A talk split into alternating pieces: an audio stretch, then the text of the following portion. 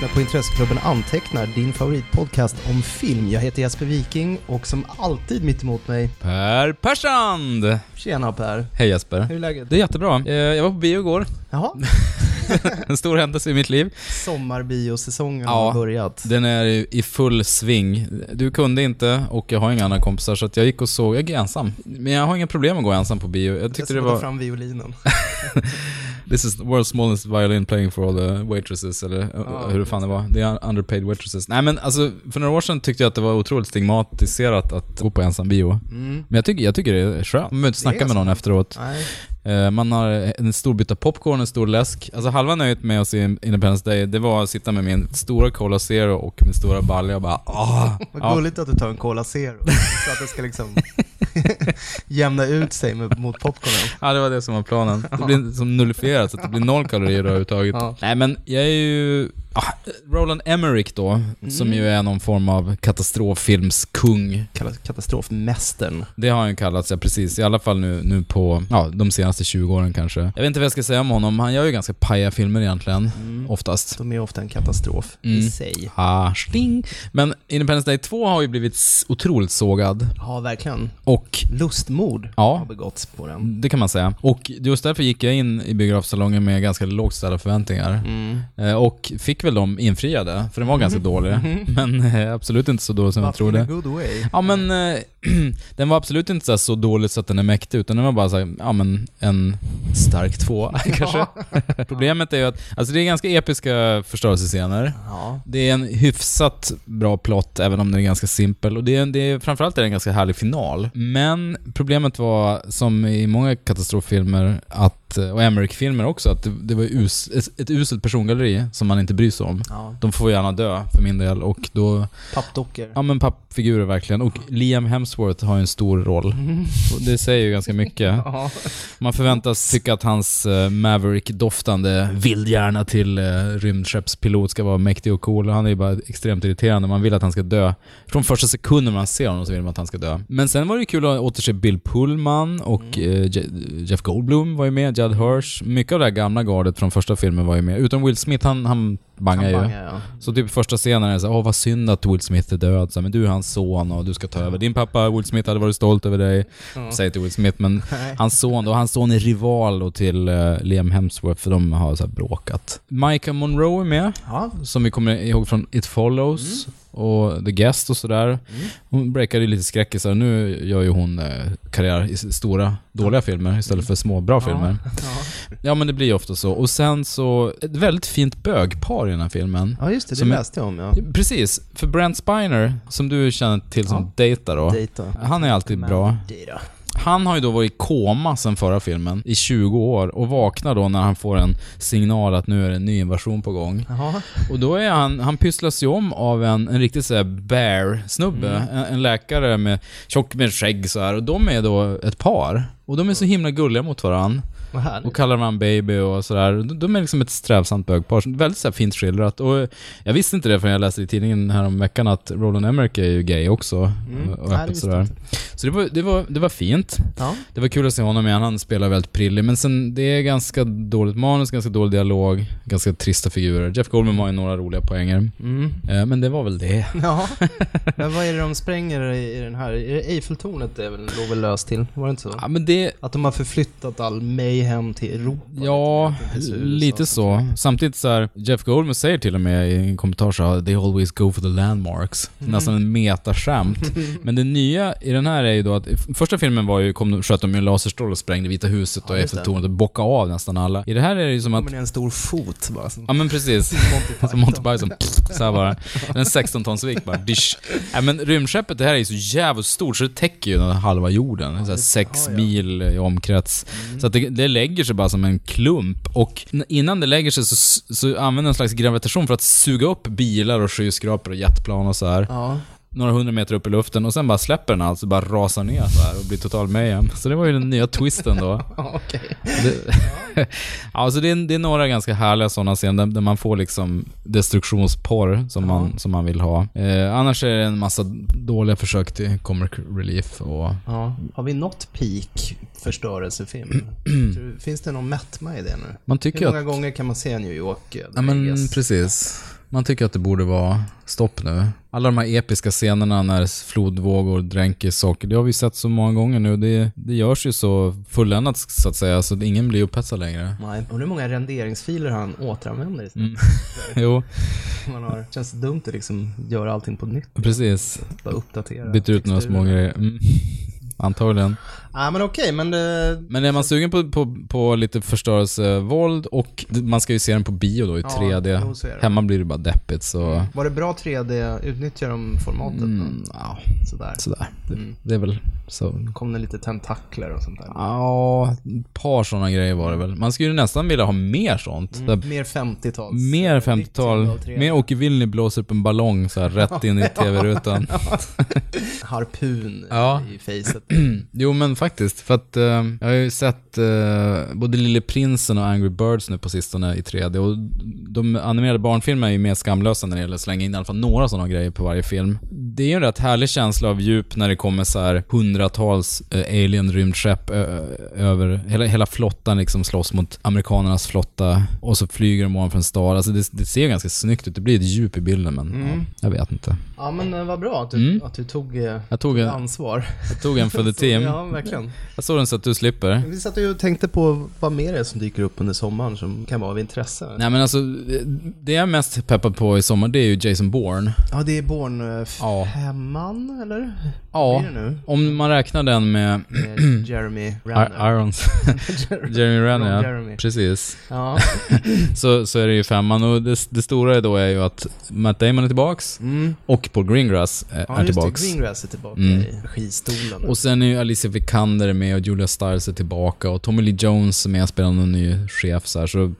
Bister. Ja. exakt. Ja.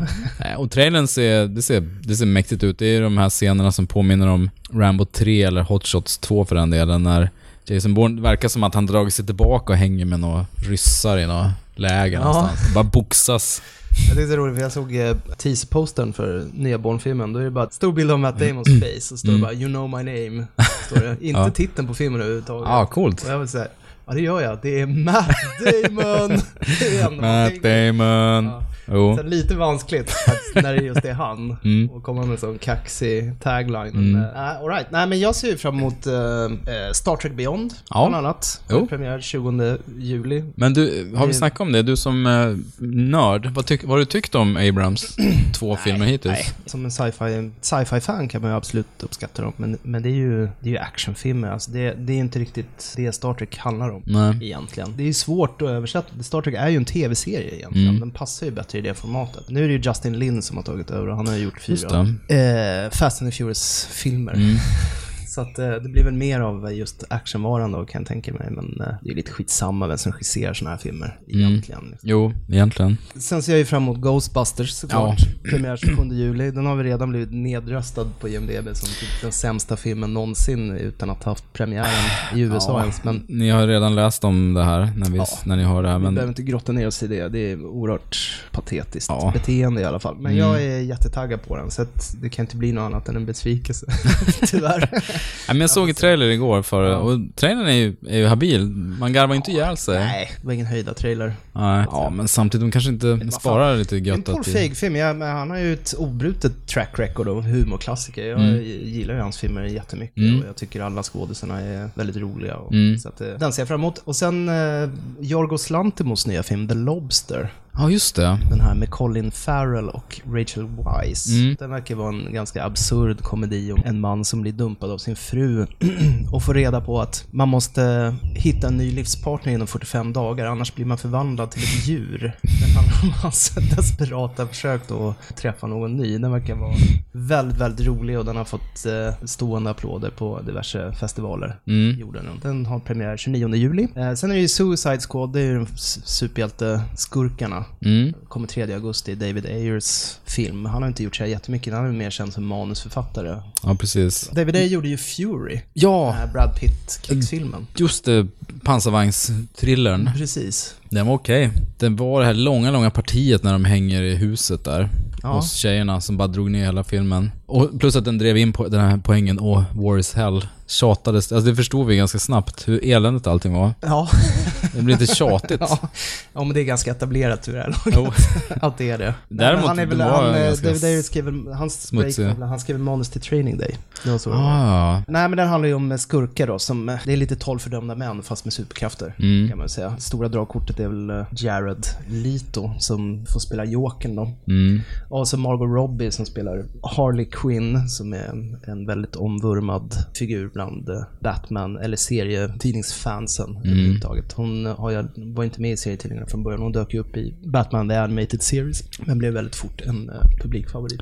Kevin Smith har till och med döpt sin dotter till Harley. Ja. Som en äkta nörd. Och sen är det den här filmen Midnight Special av Ja. Jeff Nichols. Just det. Eh, som eh, också har fått mycket beröm utomlands och anses vara väldigt Spielberg-esk. Mm. Eh, han har väl mer eller mindre sagt själv att det är liksom en hommage till E.T. och Närkontakt av tredje graden. Den kommer visas på Stockholms filmfestivals utomhusvisning 1 augusti tror jag, i Rålambshovsparken. Om man är i Stockholm då ska man gå och titta på den. Annars har den DVD-premiär i Sverige 29 augusti. Det handlar Mm. om en eh, man och hans son som har börjat uppvisa eh, övernaturliga krafter. Så att han eh, flyr från myndigheterna med sin grabb. Så det är en road movie kan man säga. Hör och häpna är det Michael Shannon som spelar huvudrollen. Jajamensan. Men alltså, om vi hoppar tillbaks till, till eh, Suicide Squad så, Mm. det är alltid, det, det, är liksom, det är väl, hänger väl rätt mycket på den för, för DC's och Warners del att det blir en Ja, hit va? är De vill ju så gärna få igång sitt maskineri. Verkligen. De ligger ju så efter då, efter Marvel. Det är enormt stark buzz Precis. eh, kring eh, Suicide. Och jag har känt såhär, gud vad den här filmen så otroligt gärna vill vara mäktig och härlig och rolig och vass. cool. Ja, men Men- den, den vill ju vara Deadpool slash Guardians of the Galaxy. Exakt, men grejen var att exakt så tyckte jag om Deadpool när jag såg trailers och affischer och tänkte bara, åh vad blir det här för pjä- Mm. Ja, det pajas? känns väldigt grabbigt och Ja, bestämt. och Deadpool tyckte jag var fantastiskt rolig och härlig. Ja, ja, så du att, och nu såg jag en ny trailer igår som kanske var den senaste trailern. Det såg ganska smaskigt ut. Mm. Där får man ju se lite mer av uh, Jokern i Jared Leto. ja, det ska han bli ju... intressant. Han verkar ju gå i en helt annan riktning än vad Ja, hans föregångare har gjort. Men det tror jag är Verkligen. positivt faktiskt. Det är nog det enda man kan göra i det Mm. läget. jo, vår, vän Joel Kinnaman är med också. Just det. Och är- Jay han- Courtney ska vi inte Just det, glömma. Jay Courtney. Ja. Ty, tyvärr. En i raden av generiska leading men. Mm. Ja, nej men så att det är inte så jättemycket i sommar egentligen. Det känns som att sommarsäsongen har tunnats ut lite jämfört med Jo, tidigare år. precis. Vi ska väl nämna Hitta Doris också, som jag är lite peppad på. Självklart. Den har ju lite, lite oväntat fått så här, inte superbra kritik i USA jämfört med Pixars vanliga nivå, men har ju dragit in hur mycket pengar som helst. Mm. 600 eller 700 miljoner vid det här laget efter bara en helg eller vad det var. Så att den är ju dundersuccé. Så den är man ju pepp på. Men då ska det ju dubbas tyvärr, så att den kommer ju inte förrän slutet på augusti tror jag. Eh, Jag ska se vad vi hade för datum här. Nu hämtar jag minnet. Eh, 26 augusti går den upp. Mentala rolodexen. Exakt. Och det är ju, den har ju gått upp i USA Ja. sedan några veckor tillbaks. Du, ehm, Ja, vad ska vi prata om idag? vad ska vi prata om idag? Vi fortsätter på sommartemat då. Precis, sommaren till ära så tänkte vi lista våra topp tre sommarfilmer. Mm. Då menar vi inte summer blockbusters egentligen. Nej, utan filmer som är väldigt somriga. Mm. Ganska bokstavligt Mm. helt enkelt. Nej, det ska bli mysigt. Det finns ju en hel del Jo, att välja mellan. Jag har en, en, i vanlig ordning en fet lista med bubblare. jo som vi kan det, det hör ju till. traggla oss igenom så småningom. Men du, eh, ska du börja då? Jag kan börja. Ja. Min trea Mm. är en svensk film Mm. som heter Att angöra en brygga. Ja, det är min också. Allvarligt? Ja, det är sant. Har du den också? Ja. Ja, alltså det här Fan, är ju... kul. Det var, ja. Jag var jättenära att ta Äppelkriget, men Mm. det landade till slut i att han gör en bygga. Jo men exakt. Svensk sommar, då vill man gärna ha en Hasse och Tage-rulle. Ja, AB Svenska Ord. Ja, precis. Fantastiska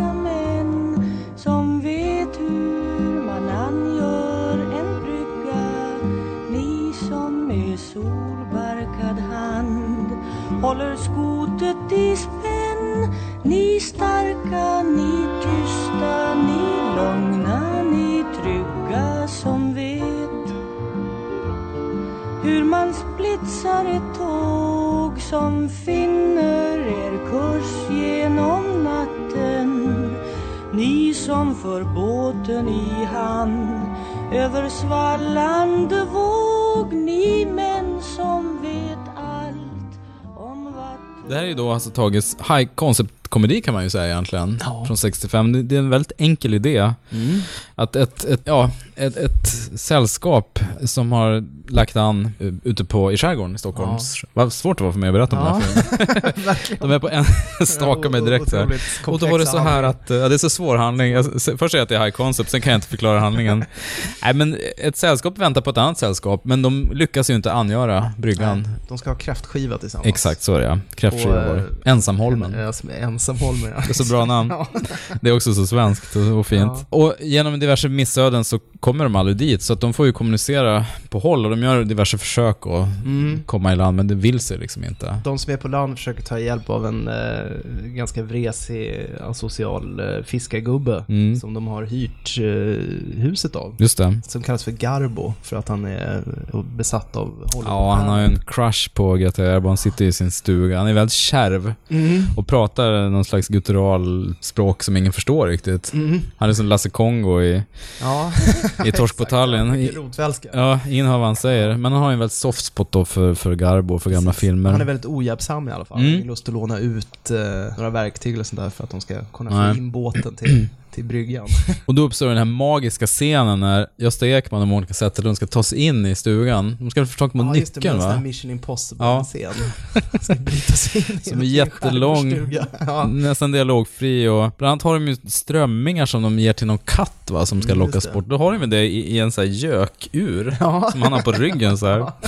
de, de hade kunnat ha det i en påse bara men Ja, det är en så här jättelång historia sen. Man, man undrar nästan om, om Hasse Tage var influerad av, av Riffifi, av det. Dassin där. Jag För, tror det. Den, var väldigt, den kom ju 65. ja. Det som är så starkt med den tycker jag är att den är ju så himla, det är ju ett stillsamt vansinne Mm. genom den här filmen. Den är ju Mm. nästan borderline seriös Mm. eh, till en början. Alltså Mm. de är väldigt så här nationalromantiskt och Mm. härligt. Men sen sakta men säkert så bara eskalerar det till en så här Max Mm. nivåer på slutet. Ja, för det blir en massa slapstick och Ja. så här, nästan Rosa Pantern-aktiga actionscener också mellan, det- är Katty Rolfsen och Garbo som har en uh, fight som har- där. exakt. Det är nästan så att de tar fram nunchucks och Ja, ja, hon är ju nästan så karatemästare.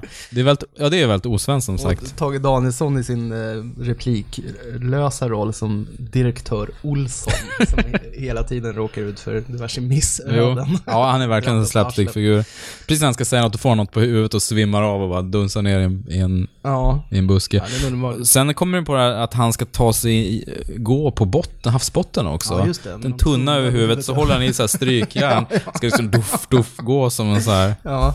Ja, det är undervattensrobot. härligt. Och Det här är ju deras, eller Svenska Ords, alltså Hasse och Tages andra film. De hade ju bara gjort svenska bilder Ja, just det. Vilken, vilken eh, grej. innan. Och med tanke på det så tycker jag nog att Tage Danielsson, ganska säker regi. Väldigt filmiskt. Mm. Känns väldigt rutinerat. Mm. Mycket så smarta inzoomningar och Mm. leker med scenklipp och bildspråk. Ja, Och, verkligen. Och sen är det ju kanonskådisar. Det är bara tio skådisar där. Det är verkligen ett kammarspel. Och, av dem är det några, några som bara har någon replik också. Så kärnan är ju liksom Gösta Ekman, Monica Zetterlund, Lars Ekborg, Katty Rolfsen. Birgitta Andersson. Just Birgitta Andersson. Hatte Furuhagen. Hatte, ja. Och så Hasse och Tage. Hatte Furuhagen som är den här otroligt retfulla kamren som Mm. hela tiden ska så här psyka Lars Ekborg. det är så jävla taskigt. För det var ju Du, eh, dambyxor. Precis, klart du ska vara kapten för du har ju dambyxor. Så tråkigt ret liksom. Ja, jättetaskigt. Jo, han har, han har, hans kläder har väl blivit blöta eller förstörda va? så han måste ta på sig... brallorna, Han måste låna Gitta Anderssons brallor. Ja, men redan i inledningen så, så säger han så här något i mungipan, typ såhär, du, eh, var det inte i land vi skulle? så jävla så onödig Mm. kommentar. Taskigt. Birgitta Andersson får ju briljera också. Mm. Det är så väldigt kul den här scenen när hon ska prata med... De är på båten Precis. och deras make och maka är, är på ön då. Just det. Och när de har såna här uh, jobbiga fantasier om att deras, Just det, de har ju det också. deras respektive har en affär på ön. Det är liderlig sängkammarscen. Kalle, vi måste hämnas. Ja, det är så fint. När det här, Men glisen min, har du skadat dig? Glisen. Vad sa du? Glisen min, har du skadat dig? Ja, det är så otroligt bra. Ja, fint. Har ni en chans att se att han gör en brygga har ni inte sett den här så måste ni ju se den. En bra sedeslärande historia Mm. också, med en eh, fin uh, sensmoral. Det är en härlig payoff på slutet. Ja. Lite, det skämtet är lite inaktuellt nu. Ja, lite inaktuellt Lite idag, bara. Men ändå ganska roligt. Ja. Nej, men de var ju mäktiga. Jag satt och kollade igenom vad de hann göra tillsammans. Mm. Liksom. Menar, Svenska Ord producerade ju 15 filmer totalt mellan 64 och 88. Sista Mm. filmen de proddade var ju Vargens tid. Just det. Det var ju ett Hasse-projekt rakt av. de gjorde ju nio filmer tillsammans. Det var ju svenska bilder först, sen var det den här. Sen gjorde de I huvudet på en gammal gubbe, den Mm, här det. Parolin-rullen. Jättefin. Om en eh, gammal murare va? som eh, Mm. minns tillbaka. på- Det, på det, där kan man snacka om stillsamt tempo. Den är Ja, verkligen. meditativ Ja, till nej, det max. är- ja, sen kom ju Apple-kriget som sagt. Det var ju mannen som slutade röka. Det är ju bara klassiker där. Ja, den är fantastisk. Ägget är löst.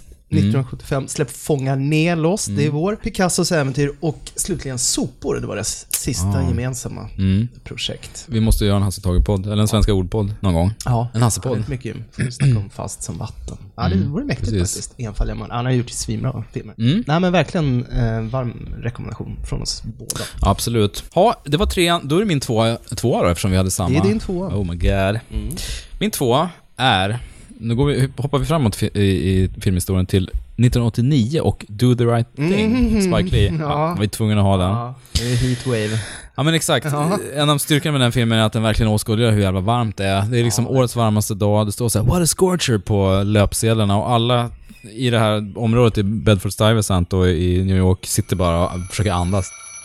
Wake up! Wake up, wake up, wake up! Up you wake, up you wake, up you wake, up you wake! This is Mr. Senior Love Daddy, your voice of choice, the world's only 12 hour strong man on the air, here on We Love Radio 108 FM. The last on your dial, but first in your hearts, and that's the truth. Root.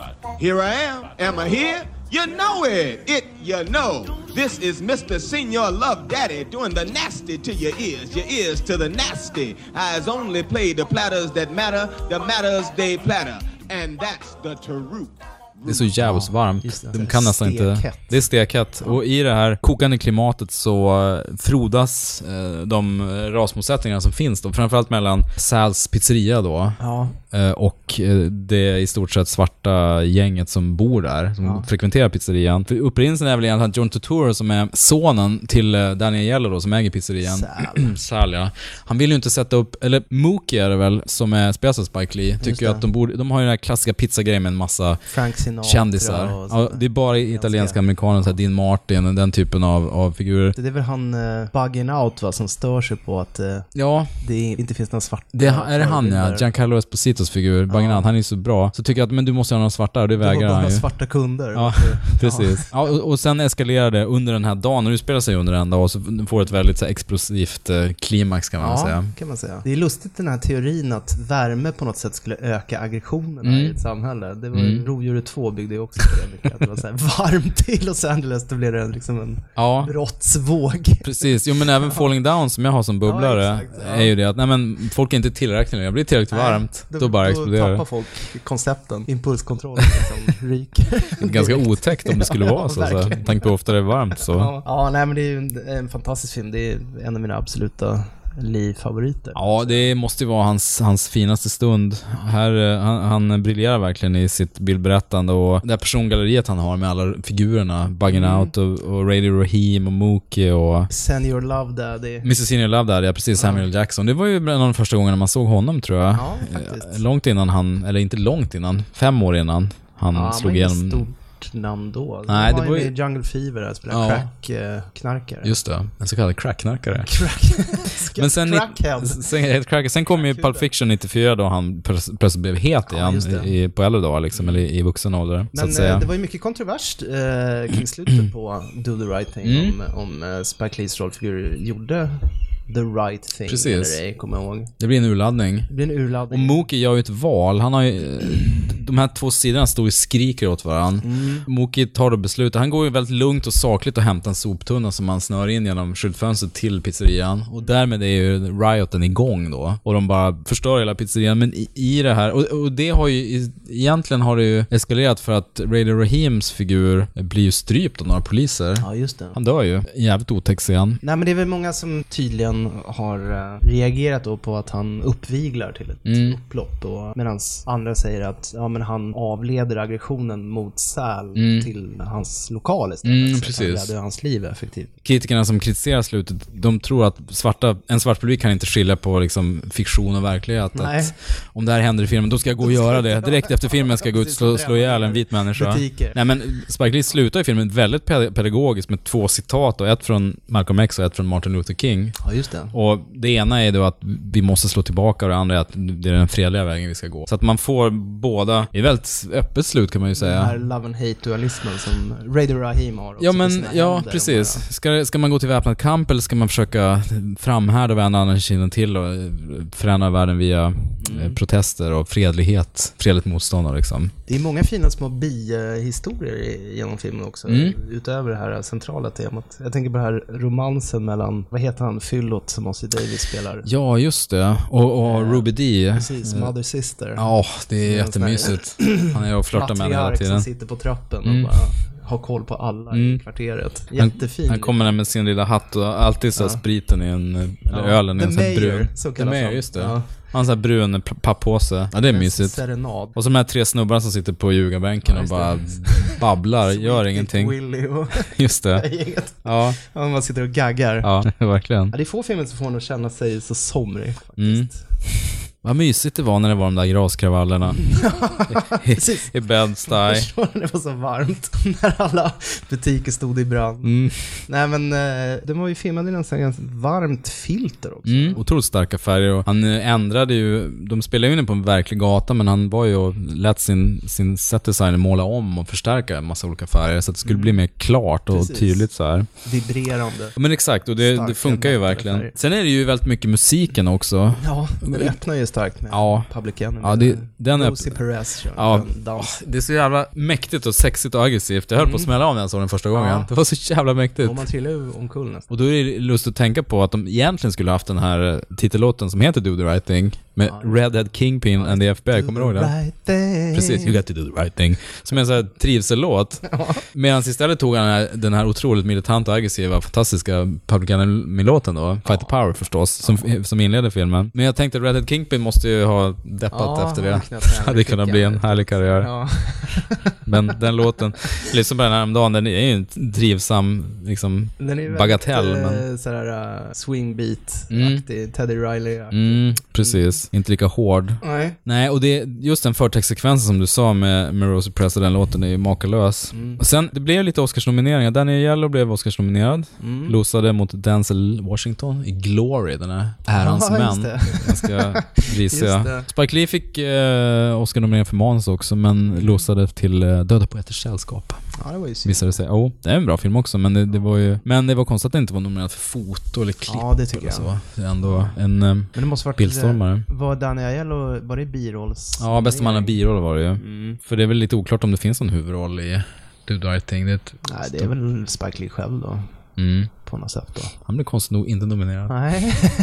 Fast han är ju inte som M. Night Shyamalan, att han är en här legendarisk kass i sina filmer. Spike Lee är Nej, hyfsad han är skådis ändå. Ja. Han är lite nollställd så här, men Ja. det ska väl hans figur vara. Ja. Alright, men vad härligt. Mm. Det är ju en svinbra Jag måste se om the right Ja. Det var också alldeles för länge sedan. Ska vi köra min två då? Det är din två. Eh, nej men mitt andra val, det är um, en eh, japansk film som heter Kikujiro. Mm. Alltså Takeshi Kitanos film från 1999.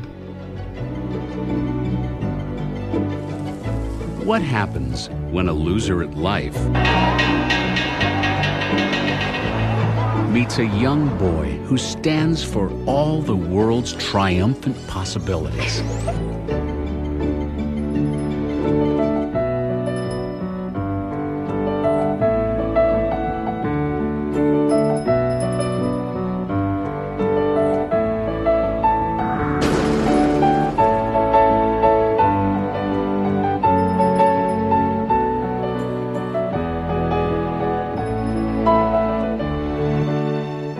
Sony Pictures Classics proudly presents the unpredictable new film from master filmmaker Takeshi Kitano, the award winning writer, director, and star of the critically acclaimed Sonatine and Fireworks. Kikujiro will remind us all it's not where you're going, oh. but how you get there.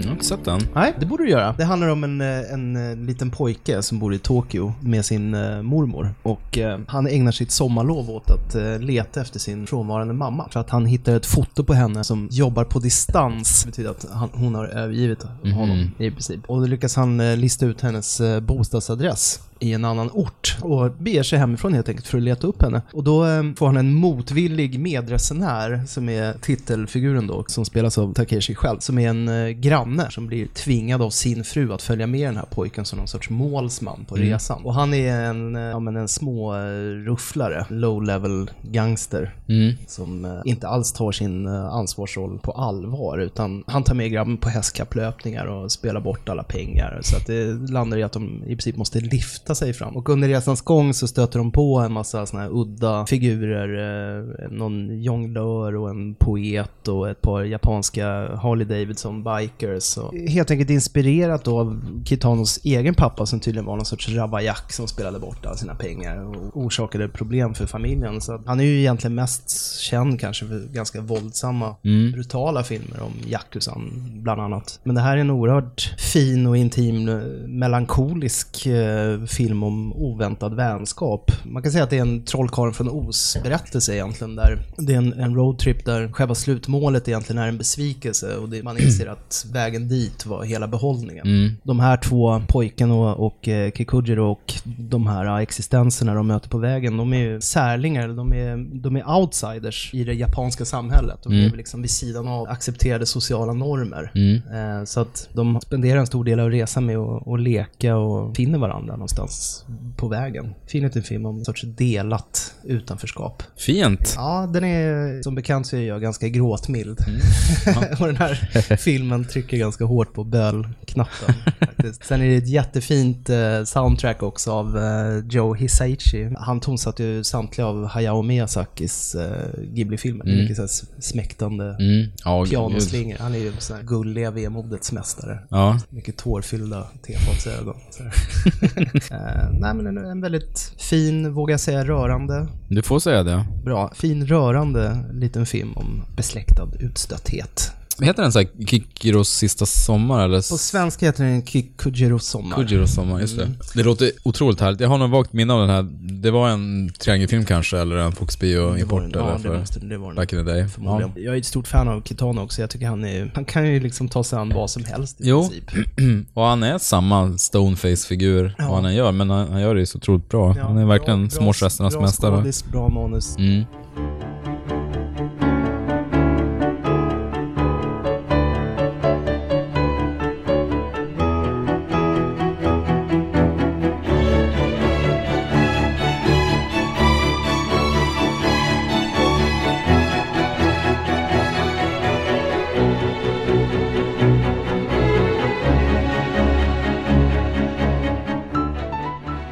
Härligt, bra tips. Mm. Måste kollas upp. Ha, vi är framme vid min etta. Och här Gud, vad ska det bli? Vad ska det bli? Det var många filmer på tapeten, men jag tog en film, dels eh, ville jag ta något som kanske var lite udda, men sen framförallt tog jag den för att det är en djävulsk... Det är återigen lite som i... Jag snöat in, snöat in, dålig metafor. Jag, har glidit in på det här med den här dallrande hettan som gör att folk gör vansinniga saker som de inte annars skulle gjort. Min etta är The Hotspot. Ja, Alltså, just det. Dennis Hopper. Dennis Hoppers Ja. ganska cheesiga sex noir från Ja. 1990. Ja, det är 90-tals sleaze. Ja, 90-talslis i, Härligt. i hög form. Och Ja. den, Det är neo-noir. mm, kan man lugnt säga. Och kom väl in, jag vet inte om man kan snacka om någon våg, men vi hade ju John Dahl där med Ja. Red Rock West Just och det. The Lost Seduction. Vi hade ju han eh, Franklin som gjorde den där, ja, som, som heter någonting. Med, där, där man såg Billy Bob Thornton första gången. Ja, Eh. var inte det slingshot? Jo, det var det ju. Han gjorde en annan... Eh, ja, skitsamma. Ja. Hur som helst. ehm, nu har inte jag sett den här filmen på väldigt länge. Nej. Jag har, inte hunnit, jag har slarvigt nog inte hunnit se om den, eller hunnit, jag har inte sett om den. Men jag drar Tänker du på den synopsis här. One False Move? Exakt, Ja. det var den jag tänkte Just på. det. Den var ju svinbra. Ja, den är ju svinbra. Jag, jag tänker också att det är tidigt 90-tal och lite, lite Nino och sådär. Ja. Och, film. och precis, och sen har vi ju liksom House of Cards av David Mamet. Kanske inte noir, men, ja, men lite åt det hållet i alla fall. Ja, den var ju jävligt elak. Uh, uff, den där när de, ja, Det var ju Bill Paxton också, just det. Som en loser-snut. Ja, men i den vevan har vi, har vi Simple Plan också, Sam Raimis film. Med, med det. det var både Bill Paxton och Bill Bob Bob. Ja, just det. Var de igen. Ja. Och men nu bakar in en massa filmer under ja. Noir som är helt disparata. Försöker skapa en våg som absolut inte har Det funnits. lite forcerat. Lite forcerat. Ja. Welcome to a vision of life as only America's most controversial director, Dennis Hopper, could show it. The hell is the matter with you, Maddox? You got a grudge against the world or something? Nope. I'm a car salesman. So what you gonna do in our town? Whatever there is to do. There are only two things to do around here. Have you got a TV? Yeah, Mr. Harshaw, he always said that she just sort of happened. Well, the smart thing would have been to get the hell out of there and let her happen to somebody else. He told me that he knows something about you, something bad. You know, I have got to get that surveillance equipment working. Lucky you wasn't a bank robber. It's my batting average always been for staying out of trouble. It's baited with this much trim. Jag drar handlingen på The Hotspot. En man med tvivelaktigt förflutet säljer begagnade bilar i en liten småstad i Texas. Mm. Han trasslar till det rejält för sig när han inleder en affär med sin chefs fru. Punkt. Ja, det var från filmtipset. Det, det var ju en del av sanningen. Alltså, den här... Det är en klassisk noir-upplägg att en, en, en drifter dyker upp i en liten stad, träffar de- en väldigt voluptuös och ganska uttråkad hemmafru som spelas av Virginia Madsen. Hon snärjer honom... Hon, Vad sa du? Hon är helt amoralisk. Ja, precis det kan man säga. De dras till varandra, de har ett, ett ångande, en ångande affär tillsammans och sen dras han in i skumraskaffärer. Det är det klassiska upplägget egentligen. Ja, verkligen. Så att det är inga nyheter vad gäller manus, men det är väldigt, väldigt väl utfört det här. Mm, det det. Det bygger, på en bok av Charles Williams som heter Hell Hath No Fury från 50-talet. Okej.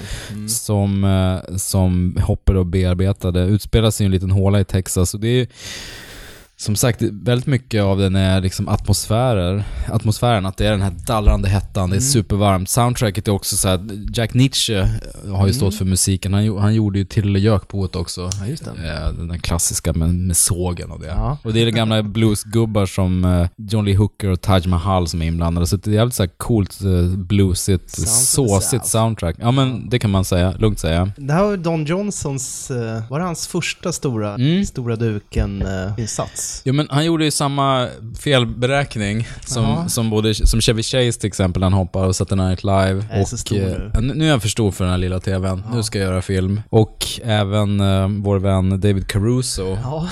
som hoppade ja, av. kanske det värsta av alla. Ja, och Chevy Chase Ja, men gjorde ju ändå några hits. Han hade ju det innan det gick åt helvete. Han hade ju Fletch till exempel och så, och, och, och några till. Caruso gick, gjorde ju Jade.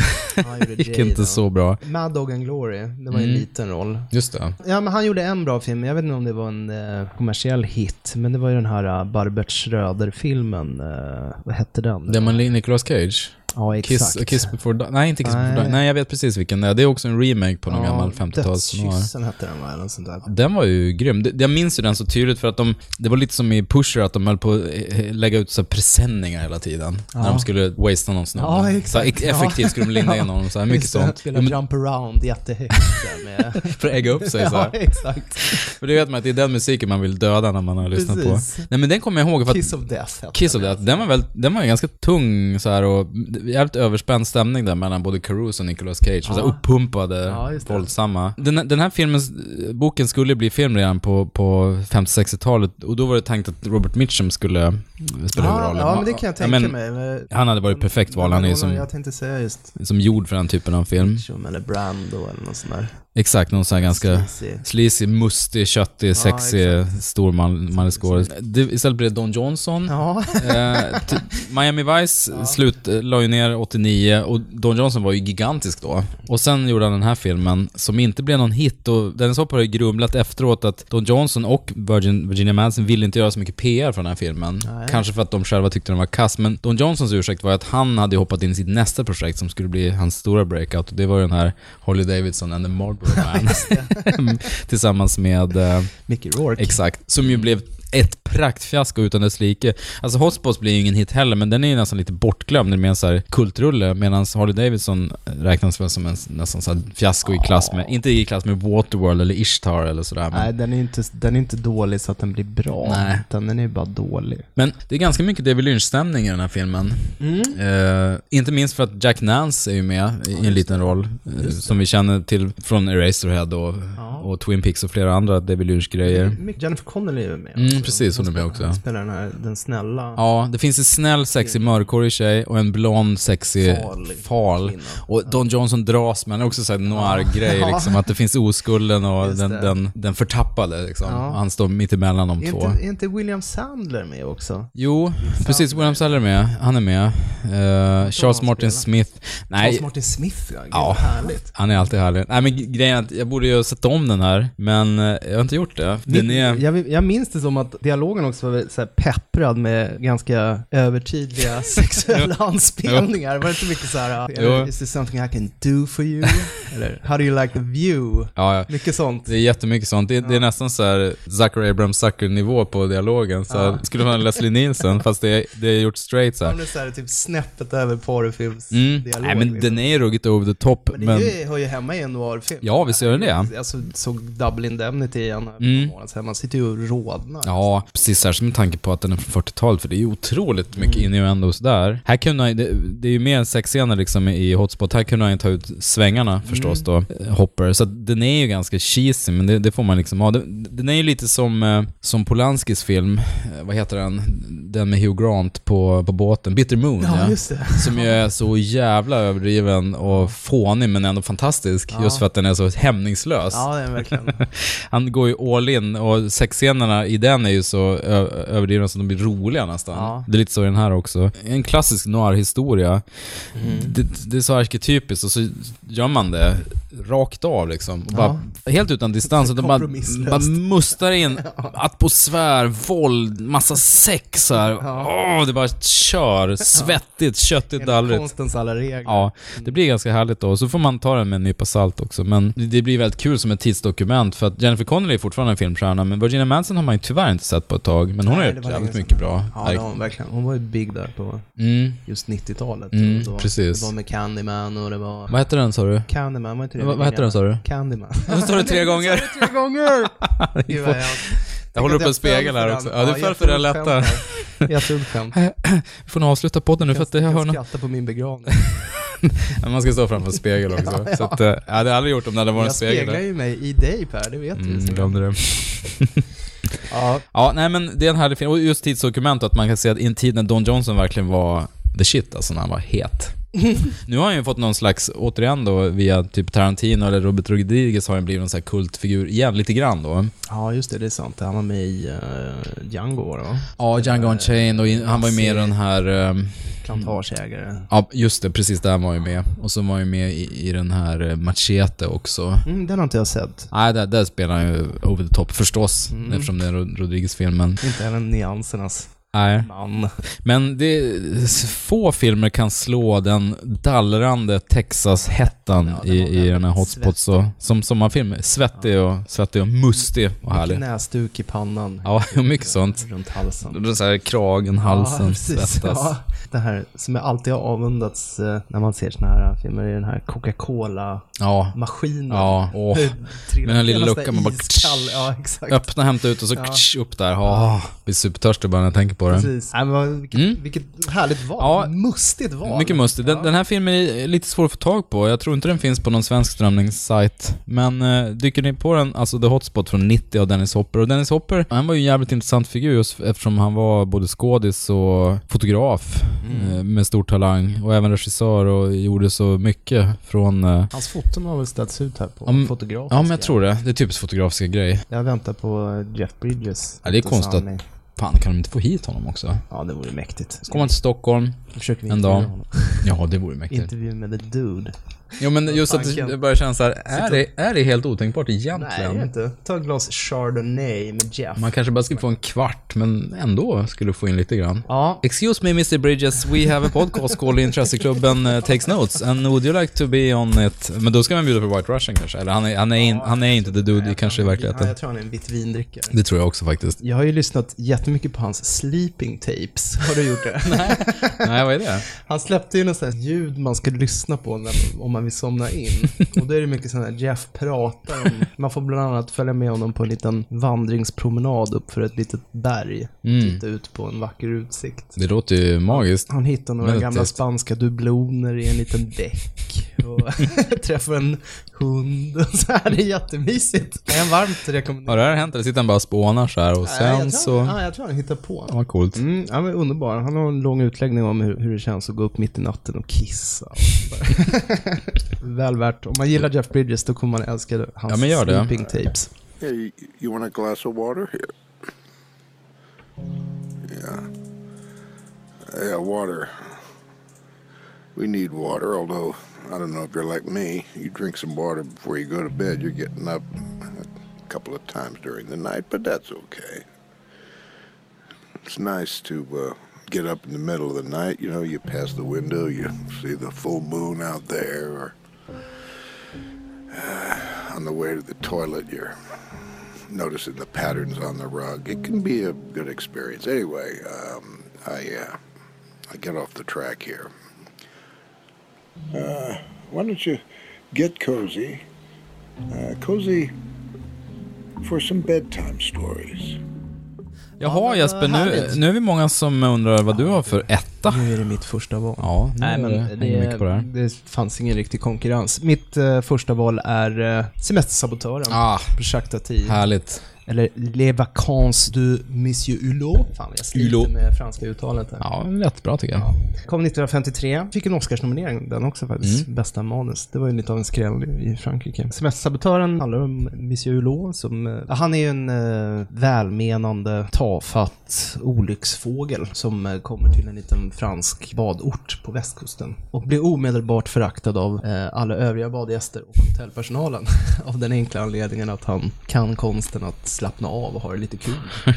Lite så här stående inslag i Tatis filmer är också att han liksom driver med den här reaktionära medelklassen som är så låsta liksom, Mm. i sina konventioner. De, de kan inte riktigt acceptera hans bejakande av det spontana och lekfulla. De tycker Mm. det är barnsligt helt enkelt. Så man får följa hans eh, missöden då på den här lilla badorten då under ett par sommarveckor och hur han retar gallfeber på folk och eh, hinner chantilt småflirta med damer som är där och simmar och, och, och spelar tennis. Nej men den är en underbar film. Den eh, har ju med sig mycket av det som var väldigt typiskt för honom också. Långa statiska tagningar med många rollfigurer i. Mm. Eh, och eh, extrem slapstick nästan på Buster Mm. Keaton-nivå. Han är ju väldigt intresserad av eh, att skildra den humor som uppstår i gruppdynamik. Mm. Och sofistikerade sightgags då. Och sen har han ju ett otroligt mäktigt soundtrack av Alain Roman som numera är synonymt med strandliv.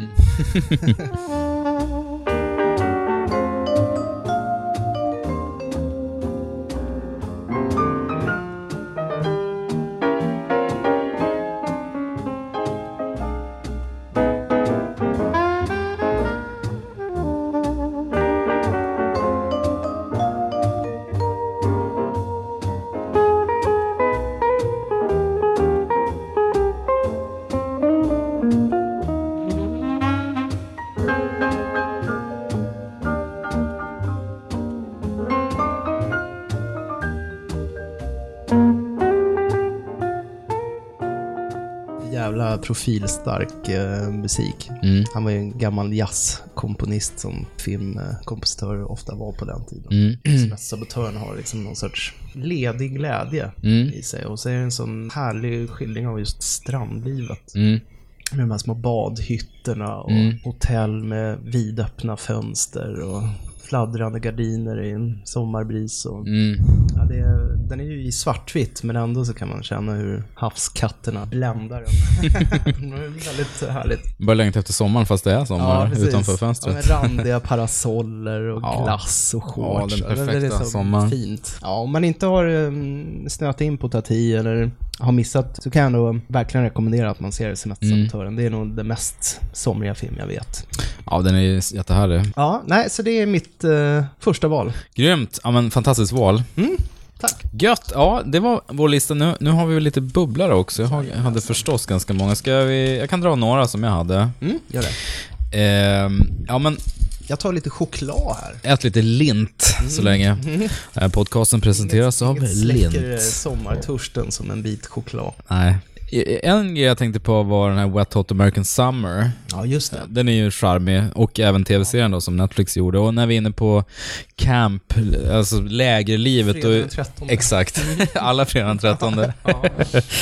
Det är inte så mycket sommarmys. Nej. De dröjer inte så länge vid sommaren heller. Och, och de är ofta ganska så konstlöst filmade också, så det är inte så mycket sommar. Nej. Här, ibland kan man ju känna att det är så här disigt, eller det är inte ens sol när de spelar in. Ja. Och det håller ju inte. Och apropå läger har vi ju Adams Family Values också. Ja, just det. När, när Just det, Wednesday då är- tvingas... Är på Camp Chippewa. Ja, exakt. Och jag tror vi har pratat med någon annan podd, för det är de här två kamp-lägerledarna.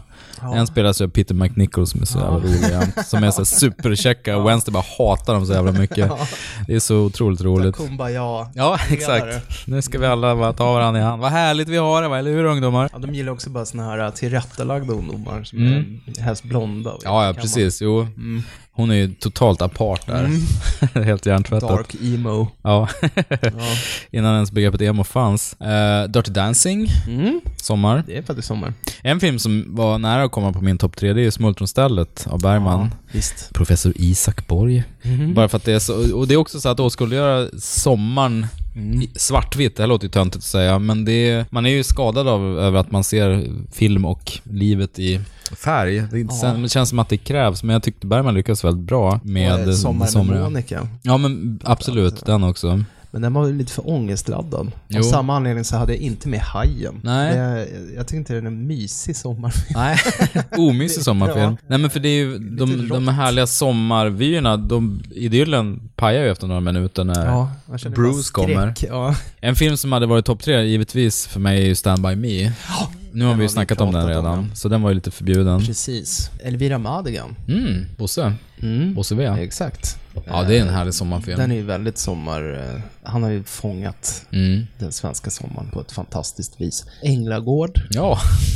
Också en uh, somrig film. Ja. Göta kanal skäms man sig nästan för att ta upp, men eh, Det är ändå svensk sommar. det är en svensk sommar. Jag tänkte på uh, Godard-filmen Pierre-Olle Fou, den är också väldigt somrig. Ja, just det. Mycket sommar där. Och sen hade jag ju med Fönstret åt gården. Ja, den har jag också med. Mm. Den filmen är ju bra på så många sätt, men just den här tryckande, gassande hettan. Mm. Och, vilket är fascinerande att han får till när man vet att hela filmen är gjord i studio. Ja. Så funkar det ändå. Men just det, det du var inne på tidigare, här sommarloja, bara ligga och titta. Och det, när man själv bor i en innergård, man ser folk röra sig, man hör röster som hör måsar. Det är så mysigt i den filmen. Sommarstämningen. Ja. Eh, Jag skrev upp uh, Adventureland, som jag tror vi har, det är Paul Feig också. Mm, snackat precis. om den i någon tidigare podd också. Dunderklumpen. Ja. Ja. Svenskt sommaräventyr. Nej, gud, den glömde jag. Ja, det är en fin sommarsaga. Jens! Jens! Jens! Du måste komma hem. Ja, gud. Nej men jag vet inte varför jag missade den. Den skulle nästan varit topp tre här för Ja, mig. den kunde nästan varit Fantastisk sommarstämning i med. den. Den är jättefin. Alltså just sommarnatten också. Ja, sen som hade aldrig tar jag med slut. på, jag hade med American Graffiti Ja, den har jag också och listat. Dazed and Confused. Ja, samma känns här. också sån här Mycket somriga. sommar. Sista eh, skolåret somrar. Mm. Falling Down har jag nämnt, den hade jag också med här. Just Mm. den här tryckande hettan och både du och jag är ju väldigt svaga för Michael Douglas också. Ja. Och väldigt svaga för George Schumacher. Den kombinationen och Michael Douglas i det här stubbhåret han har. I'm the bad guy. Ja, precis. Mm. Defense, defense. Ja, det, det finns så många töntiga grejer med, med Falling Down, men den har sina poänger ändå. Den är ganska härlig. Börjar ju väldigt bra. Alla som har köpt sig en, en Big Mac på McDonalds kan ju känna igen sig i hans Ja, just när han går och klagar där. restaurangtirad. Mm. Den är ju ganska träffande Mm. faktiskt. Men den hade sina, Ja, absolut. aspekter. Dog Day Afternoon skrev jag upp också, Ja, Satans eftermiddag. Just den här dallrande sommarheten. Nu, nu är det, mestadels av filmen är ju inomhus i, I banken, banken, där, ja. så det är inte så mycket sommarstämning. Men det är just att try- den tryckande hettan som gör att folk blir lite crazy, är ju med där. Ja, nej, men Mm, det var mina bubblare. Bubblarlista, ja det var samma här. Gött! Ja. Ja, nu har vi Vi har måsarna här. Mm. Det här spelas in ute på en, På en kobbe. Orca, Ja. ute i bukten här. Jagar lite Så Vi fisk. sitter och jämför våra R Ja, här. precis. Vad mysigt. Ja. Ehm, Då finns det ju en del att kolla på i sommar som Mm. sagt. Ja, nu har ni en liten lista här. och lite hemläxa Mm. från oss. Och sen eh, återkommer vi i augusti Mm. med en specialare. En special, då har vi en gäst också. Ja, det har vi inte haft sedan vi hade. Mårten Blomqvist. Exakt. Så det blir Eh, kul. Det ska bli riktigt kul och det är en gäst som har att göra med en, en film som går upp om ett tag. Så det blir, det blir en riktigt, riktigt härlig stund. Ja, lite mer höstig film. Mm, det kan man säga. Passande nog. Kommer i augusti. Men eh, tills vidare så säger vi ha en underbar sommar. Ja, ha det riktigt, riktigt härligt. Vi hörs. Puss och kram.